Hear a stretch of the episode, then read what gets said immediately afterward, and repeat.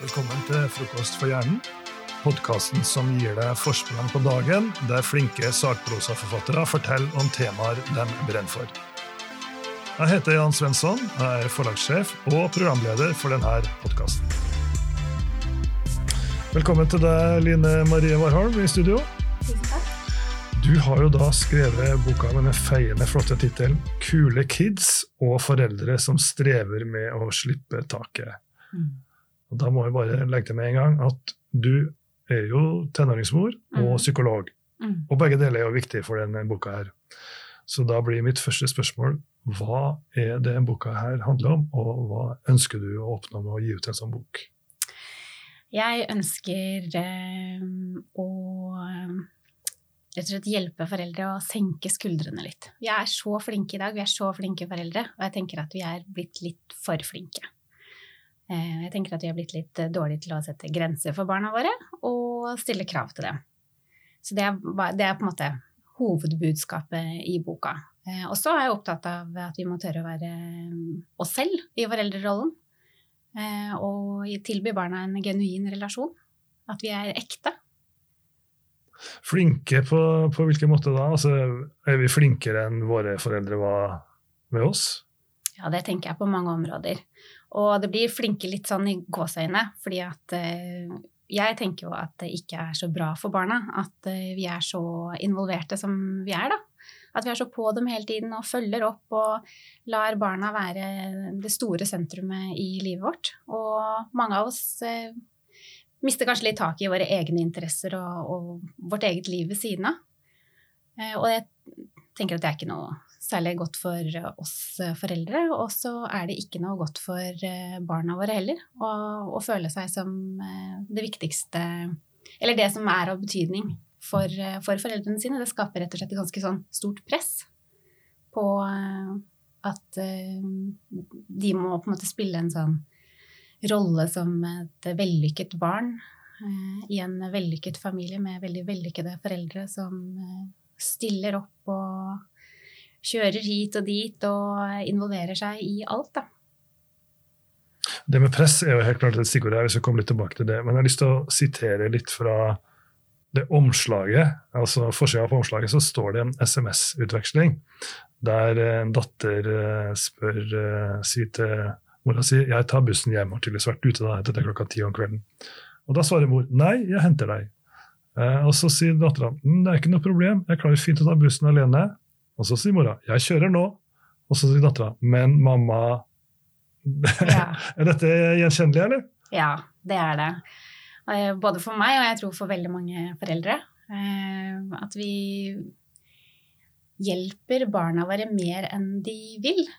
Eh, Og, og med det så fratar vi dem jo også muligheten for å gjøre egne erfaringer og klare seg sjøl og, og oppleve at de mestrer. Og vi tenker jo kanskje at vi bare er snille. Eh, Men i det så gjør vi dem kanskje noen bjørnetjenester også.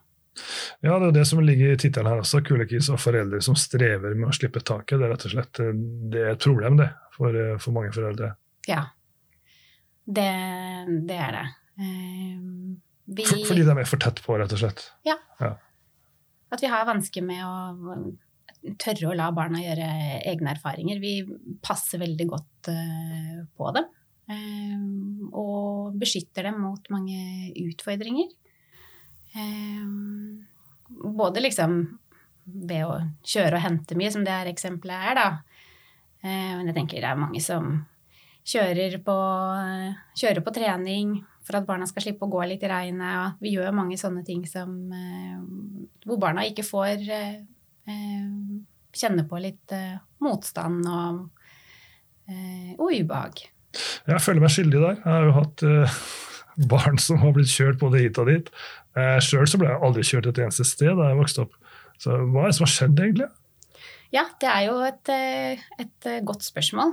Uh, Og um, det er jo ikke sånn at vi vil tilbake til 50-tallet. Uh, Og den, den typen autoritære foreldre som man kanskje hadde da. Eh, Men nå har vi jo hatt eh, mange år med eh, mye bøker og artikler og eh, TV-programmer om barneoppdragelse. Og vi er opptatt av å gjøre det beste for barna våre. Og det er jo, det er jo derfor vi har blitt sånn også. Altså vi, vi vil det beste for barna. Eh, og så tenker vi at det å eh, liksom tilby dem en masse og gjøre mange ting for dem og legge til rette for dem, at det er å hjelpe. Du sier, du, sier, jo rett og slett at uh, foreldre må tørre å være litt kjipe, litt autoritære. Mm. Det er jo litt, litt sånn motstrøms på en måte, da, men så tror jeg mange setter pris på at du er såpass uh, tydelig på det også. Ja, for vi har jo kommet litt dit da, at, vi, at vi, når vi har lest alt det vi har lest og uh, kan så mye om barn, så er vi jo blitt veldig pedagogiske. Så vi vil liksom få det til i en sånn samarbeidende form, og, og det er mye bra med det. Men i det så har vi jo tenker jeg kanskje strukket oss litt for langt, sånn at vi har blitt helt uh, grenseløse. At dersom det blir uh, litt bråk, da, hvis det blir dårlig stemning hjemme, så tenker vi at nå har vi mislykkes, liksom. Uh, og da, da, går det jo litt for langt. Ja, og du har jo også noen, hva skal vi si, noen lure triks her da, som kan bedre situasjonen det praktiske råd her. Altså F.eks. en situasjon da, Du vil ikke ha dårlig stemning, det, det sier seg jo sjøl. Men la oss si at du har tre barn som eh, du vil ha med deg på hytta, der, mm. der det ikke er nett. Det er mm. kritisk. Det er kritisk. Ja, det er vanskelig. Ja, To av dem syns det er helt greit, mm. men den tredje vil ikke. Mm. Eh, skal du da være grei og si at nei, da, da drar vi ikke? Eller, altså, hva, hva, er din, eh, hva, er din, løsning på et sånt praktisk problem i, i samvær med tenåringene dine? Ja, da tenker jeg at man som forelder selv må bestemme seg litt for hva man mener. Ehm, fordi barna er forskjellige, og vi voksne er forskjellige, og den ene hytteturen er kanskje ikke lik den andre hytteturen. Så man må liksom bestemme seg, for da tenker man at jo, nå har du fått være gjort som du vil i mange helger, nå skal du være med oss. Uh, og er det et alternativ at ungdommen er alene hjemme? Kanskje er det ikke det. Kanskje stoler man ikke på ungdommen sin, eller så det kan jo være mange sånne forskjellige eh, situasjoner som er eh, Altså det kommer litt an på situasjonen, så man må på en måte som forelder da bestemme seg for hva syns jeg er ok i denne situasjonen.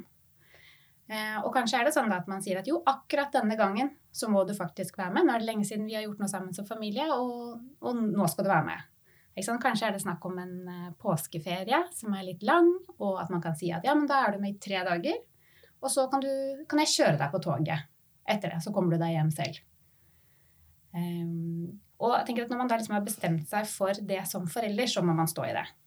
Og ofte da så vil vi jo kanskje prøve å overbevise eh, tenåringen om at det vi vil, eh, er liksom det beste for tenåring, og vil gjerne liksom ha den til å bli enig.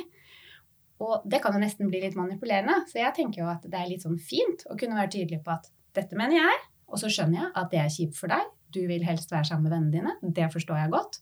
Skjønner at det er vanskelig å være uten eh, nett i tre dager. Det skjønner jeg godt. Og det er greit at du ikke syns at dette er topp, men du må være med likevel.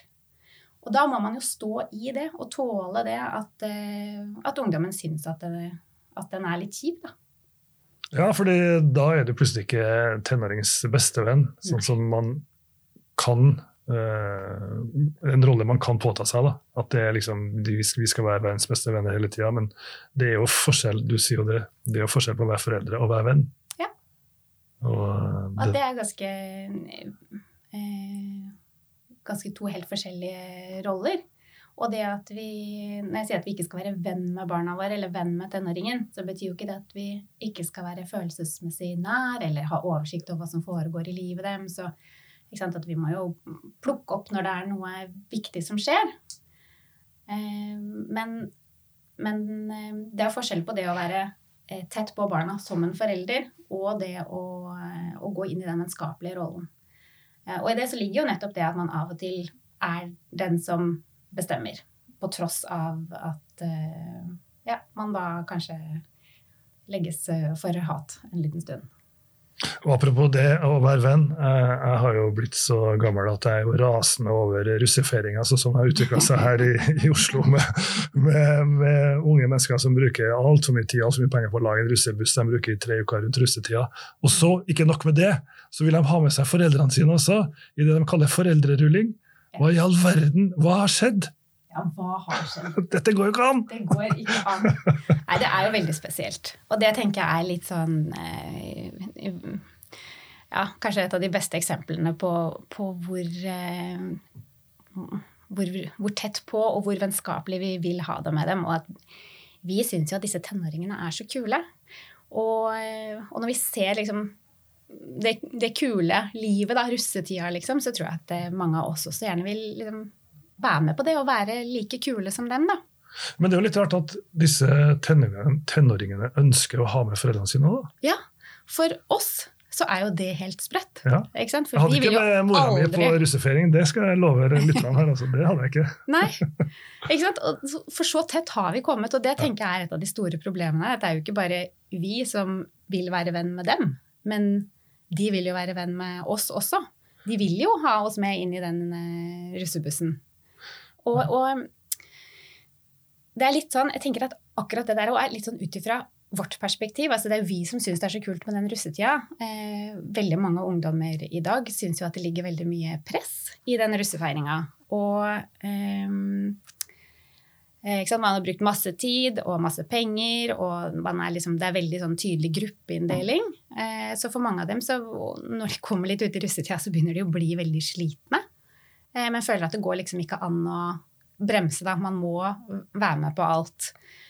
Eh, og jeg tenker, når vi vokste opp, så hadde vi jo på en måte liksom ungdomskulturen på den ene siden som dro oss mot festing og ting som ikke var bra for oss. Og så hadde vi liksom foreldrene og de voksne som dro oss i en annen retning, og som kanskje var eh, glad hvis vi var hjemme, ikke sant.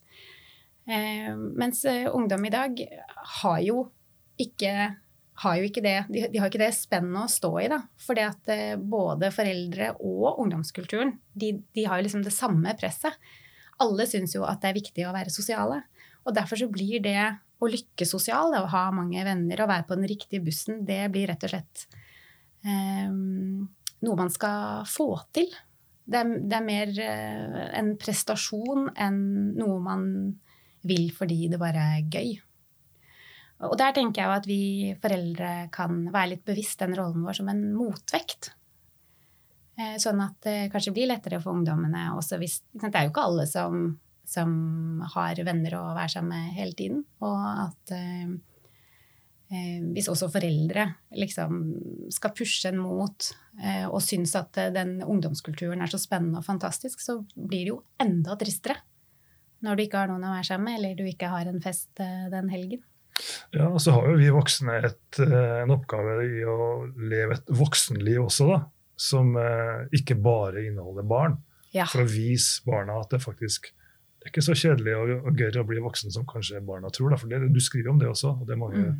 barn og tenåringer som eh, ja, jeg har ikke lyst til å bli voksen, for det ser så utrolig kjedelig ut. Ja. De ser jo sine egne foreldre og hvordan de dreier hele livet rundt dem. Og det, det ser jo ikke noe gøy ut. Eh, og jeg tror også at mange foreldre mm, kanskje har andre ting de er opptatt av, men det prøver de å beskytte barna mot. Og særlig da mm, foreldre som eh, har barn som bor annenhver uke. Så vet jeg at eh, mange ungdommer mm, bekymrer seg for hvordan foreldrene har det når de ikke er der. Mens jeg også vet da gjennom min privatpraksis, for jeg snakker med mange mennesker, at eh, disse foreldrene de syns jo det er kjempehyggelig når barna er der. Eh, men mange syns også det er litt godt når de drar. For det er jo intenst å være alene med barn. Eh, men det vet jo ikke barna. For det er det som om vi voksne tenker at, at, at, de skal tro at de er det eneste vi holder på med, og at vi ikke har et annet liv når de ikke er der. Du nevnte privatpraksisen din. Du har jo du får jo besøk nær sagt både av tenåringer og, og, og voksne. Mm. Hva, er, hva, er de, hva, er, det de, sliter med? Hva er det de spør mest om? Eh, tenker du på tenåringer? Ja, eller tenåringer eller foreldrene deres. Eh, for eh, mange av tenåringene så er det jo stress og press ja. som, eh, som er problemet. Eh, Så hvor, hvor, kommer det stresset og det presset fra? Ja, og det er jo det man liksom kan spørre seg om. Fordi Eh, og som jeg ofte spør dem om også. Ja, hvem, hvem er det som presser? Hvem er det, hvor kommer dette presset fra? Hva består det i? Eh, og så er det jo liksom vanskelig å sette fingeren på det. Så det har jo blitt en sånn, en sånn kultur hvor, hvor det liksom er helt sånn iboende i dem at de, at de stresser med ting. Eh, og som om Altså det å det å stresse med skole eh, gjør at man føler seg flink, på en måte. Altså det å ha litt sånn avslappa forhold til det, da føler de at de gjør noe som, som eh, ikke er lov. Eh, og så er det jo litt det at de er jo så opptatt av eh, skoleprestasjonene sine selv. Eh, som er jo kanskje litt sånn til forskjell når vi vokste opp, så var det kanskje litt mer sånn at uh, lærerne og foreldrene våre ville at vi skulle gjøre lekser og gjøre det greit på skolen, liksom. Uh, og så var vi fornøyde, vi, hvis vi kunne slippe unna. Uh, og den holdningen er det jo er, Det er veldig annerledes, uh, syns jeg, hos mange ungdommer i dag. De er, så, de er, så, opptatt av det selv, at de skal prestere. Og, eh, og alle vil jo være best. Det er på en måte som om man har mislykkes hvis man er på gjennomsnittet. Og det er jo sånn at halvparten av oss må jo faktisk befinne oss på gjennomsnittet og under. Sånn er det jo bare. Ja, og det er jo et hovedpoeng i boka, sånn som jeg oppfatter at eh, ok, litt lavere skuldre her, slapp helt av, du er på en måte god nok eh, sånn, sånn som du er. Ja. Godta situasjonen. Mm. Ja. Både for uh, Både for, for tenåringen og for foreldrene. Ja. ja. Mm. Sånn sett skal vi jo litt tilbake til hvordan det var før, da. Ja. Litt tilbake til sånn som det var før. For da hadde jo foreldre en, eh, en større kanskje tro på seg selv som foreldre. Eller kanskje også fordi man ikke reflekterte så mye over det, men da var det jo litt sånn ok, dette er min familie og mine unger, og her skal vi ha det sånn. Litt eh, enklere, altså det bedre definerte roller, ja. ja. Mm. Og det er jo bra at vi reflekterer rundt hva som er, hvordan vi vil leve familielivet vårt, hva slags forhold vi vil ha til barna våre. Um, og i, i, boken så kommer jeg jo ikke med liksom, en fasit på hvordan man skal leve livet sitt. Det jeg er opptatt av, er at foreldre skal definere det selv. Og tørre å stå for det de selv mener, i stedet for å være redd for uh, å gjøre noe feil. da. Både overfor barna og, og også utad. At det, at det har blitt litt sånn at, eh, at man kan føle det som et press også utenfra på å stille opp, da. Og eh, jeg har gått så langt som at jeg kaller det for eh, foreldremafiaen. En sånn opplevelse som jeg vet at mange foreldre har, av at, at man blir uglesett hvis man, hvis man ikke er med på alt, og hvis man Eh, ikke følger opp og tilrettelegger og, og, og hvis man skulle liksom driste seg til å stille sånn høye krav til barna, at de må hjelpe til eller klare seg selv, eller så, eh, så føler man at andre tenker at du er ikke en god forelder. Og Apropos det, uh, du har jo flere tips her til tenåringsforeldre i boka. Og du har lovt meg å svare på følgende uh, spørsmål, oppgave. Hvordan få tenåringer til å gjennomføre oppgavene de har i huset, uten stønning, sukking og klaging. Ja. Vær så god, Line Marie Warholm. ja. Ja. Jeg eh, tenker at det er mange som kjenner seg igjen i det. Prøver Absolutt. å få eh, barna til å hjelpe til litt. ikke sant? Gradvis når de blir større, og så blir de ungdommer. Og da forventer vi jo kanskje, eller jeg vil jo mene at man i hvert fall bør forvente, at de bidrar hjemme. Og så tenker jeg mange har prøvd seg på det og sier at ja, men da gjør du sånn og sånn, og så ser vi at det går ikke. Og så er det jo mange som da henger opp den listen på kjøleskapet med oppgaver og en viss sum man får for hver gang man kan krysse av at man har gjort noe. Og så ser man at eh, det skjer ikke noe allikevel, fordi eh, hvis ikke ungdommene trenger penger, så gidder de jo heller ikke å gjøre noe. Eh, og der har jeg et lite triks. Uh, det man kan gjøre, er at man avtaler med tenåringen at, eh, at, eh, han eller hun har noen faste oppgaver som skal gjøres hver uke, og så har de en sum de får, som er ukepenger. Og dersom, noe, dersom det ikke er gjort tilfredsstillende, hvis de ikke har gjort det de skulle, f.eks. alltid ta ut søpla, da. Og hvis man ser at den søppelposen blir stående, eh, så tar man et trekk i lønna i stedet. Fordi at der er jo de litt like oss. At én ting er jo å gidde å tjene penger, men å tape penger, det er verre. Aha. Og hvis man da også legger inn at hvis oppgavene da blir gjort med en litt sånn dårlig holdning og litt klaging, så gir det også trekk i seg selv. Så selv om man da går ut med den søppelposen, men klager på veien, så er det trekk i lønna. Det er sånn ordne oppførselskarakterer. Ordne oppførselskarakterer, Mm, ja, det er vel kjent. Ja. Og det høres jo eh, litt eh, strengt ut, eh, men jeg tenker at det er et ganske sånn eh, viktig krav å stille, fordi at eh, så skal jo disse ungdommene ut og være i jobb og, og leve et voksenliv etter hvert. Og da har man jo masse kjedelige oppgaver som man må gjøre.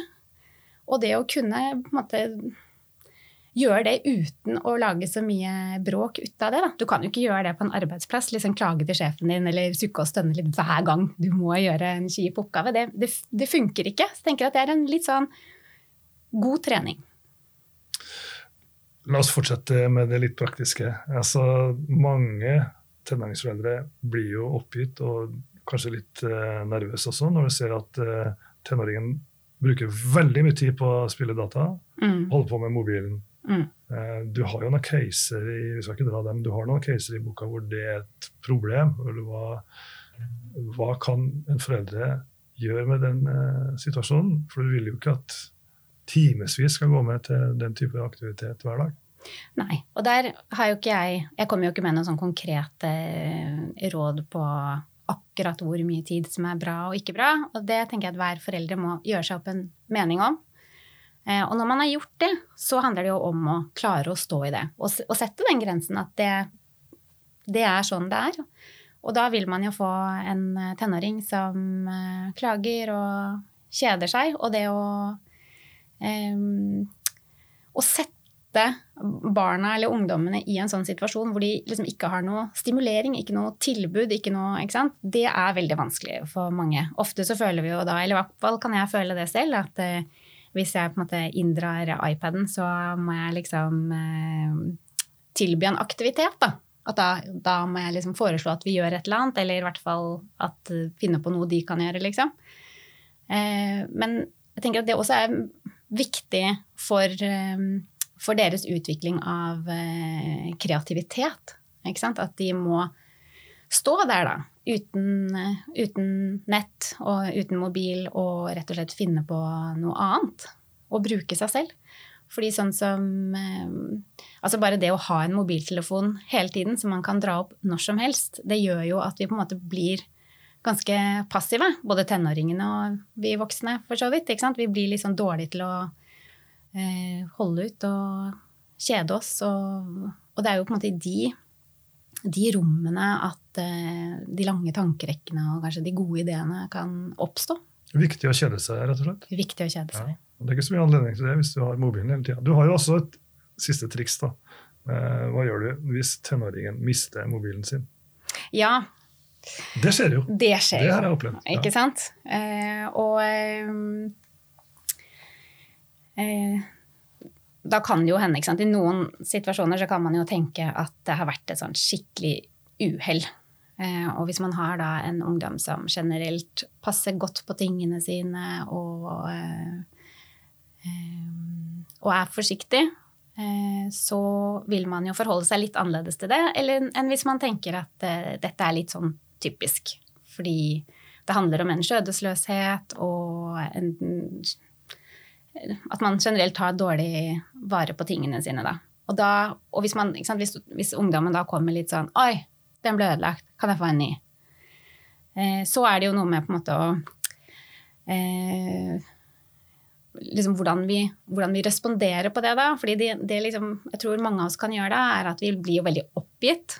Og så kanskje vi holder en liten tale om eh, at det er viktig å ta vare på ting, og nå har det vært sånn igjen. Sånn, litt sånn kjefting og stønning og dårlig stemning, og så kjøper vi ny mobil allikevel. Er det lov å spole tilbake tida her for min egen del? Det hører jeg. Fortsett. ja. Eh, Og da er det jo noe med det å liksom la eh, tenåringene sånn, eh, kjenne på de helt sånn naturlige konsekvensene det får Eh, når man ikke passer godt nok på det. At man kan si liksom sånn Ja, det var jo kjipt for deg. Da har du ikke noe telefon. Hva skal du gjøre med det? Eh, og rett og slett legge det ansvaret litt tilbake. Så i stedet for at vi tar det ansvaret eh, for dem, at de må liksom håndtere det selv. Da. Både i en sånn type situasjon, og det er jo mange sånne situasjoner hvor vi kanskje litt raskt går inn og løser situasjonen, men det da å liksom la den ungdommen få finne ut av det selv. Og igjen så kommer det, da må de tenke litt kreativt, da. ikke sant? Og hvis de på en måte står der uten telefon, så kan det hende at de f.eks. tilbyr seg å vaske huset hver uke til det er tjent inn penger til en ny mobil, da. Um, og da tenker jeg også at sant, da, da, er det jo mange foreldre som kanskje tenker at ja, men de må jo ha mobil. Altså jeg vil jo ha tak i den ungdommen, de må jo ha mobil.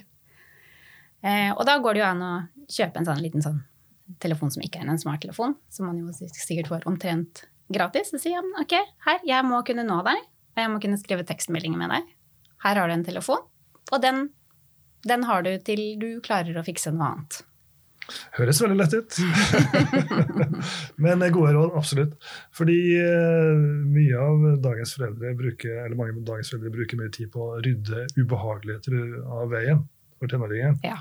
Men du sier jo livet er vanskelig. Ja. Og det må også tenåringen lære. Mm. Ja det er bra å møte litt motgang og måtte løse situasjoner selv. Og så er det jo sånn at eh, der må vi jo på en måte se litt an eh, alder og modenhet og hva de er i stand til å håndtere. Eh, og når man er i en skikkelig vanskelig situasjon, så er det jo klart at vi foreldre skal være der og støtte og hjelpe. Eh, men jeg tenker at de veldig mange foreldre i dag går litt for langt. At vi er litt for raskt på til å hjelpe ungdommene ut av situasjoner. Ja, så er det jo mye snakk om psykisk helse nå, altså for den aldersgruppen vi snakker om her. Men mm. du mener jo også at psykisk smerte kanskje ikke er psykisk lidelse. Mm. Det er noe med definisjonen her også, da. Ja, og ja, det er noe med det. ikke sant? Og at uh, vi har jo mange vonde følelser eh, som er eh, naturlig i et helt normalt liv. Vi er kanskje av og til nervøse og redde og triste og sinte og kan jo føle at livet er kjedelig og grått. Og man kan miste litt motivasjon til å gjøre det man skal. Um, og sånn er jo livet. Uh, og i dag så tenker jeg at vi er ganske raske til å, å kalle sånne tilstander for um, angst, eller depresjon. Da. Vi snakker om angst i stedet for å snakke om eh, sjenanse eller nervøsitet eller uh, uro. Og så kaller vi det fort depresjon hvis det liksom er for mange halvbra dager hvor det er liksom, ja, vanskelig å motivere seg for skolen og litt tungt å stå opp. Og, uh, og jeg tenker at det Når vi snakker om det på den måten, så blir det jo som om det ikke er naturlige tilstander. Altså som om det ikke skulle vært der. At det er noe galt hvis man føler seg nedfor en periode. Da. Eh, og, og, det gjør jo at ungdommene blir i dårligere stand til å håndtere de følelsene. For det er jo helt annerledes å være ja, Synes at livet er litt kjipt da, en periode. Hvis, hvis man liksom vet det, at ja, men sånn er jo et normalt liv. Eh, enn hvis de rundt en da blir litt sånn ja, kanskje du er deprimert. Ja, huff, liksom. Mm. Nå har jo boka vært uh, ute en uh, kort tid, men uh, du har jo fått veldig mye respons på budskapet ditt. Det er jo ikke det at det er så veldig nytt i og for seg, men det er kanskje ikke så mange som, som sier det samme som det, det med å være, være litt kjip da, i, i, i gåsehendene. Hva, hva, slags respons har du fått, egentlig? Ja, Det har jo vært helt uh, overveldende. Uh, og jeg, uan, uansett hvor jeg snakker om uh, boka, så har jo folk alltid egne historier å komme med. og jeg tenker jo at vi kanskje har vært litt sånn overmodne for det. Og det er jo det inntrykket jeg har fått gjennom praksisen min da, når jeg snakker med masse mennesker, at dette går jo igjen som et tema i, eh, så mange menneskers liv. Så, så jeg tenkte at det må, det må jo være det må, Dette må jo være noe som gjelder eh, veldig, veldig mange. Eh, og ja, boka har jo fått eh, mye oppmerksomhet, så det er jo tydelig at, eh, at det treffer folk. Da. Og eh, at mange har nok følt seg kanskje det er låst i, eh, i det liksom overpedagogiske perspektivet vi har eh, hatt. og at man klør litt i fingra etter å sette grenser og stille krav og rett og slett få litt større frihet som forelder. At man kan ja, gjøre litt mer som man vil. Det syns jeg var et godt sluttord, Line Marie. Jeg tror det er mange som er i den situasjonen at de har tenåringsbarn, har fått mye, mange gode tips og innsikt i hva som trenger å gjøres. Og da det, står det bare igjen å kjøpe boka. Og takk for uh, praten, Lille Marie. Takk.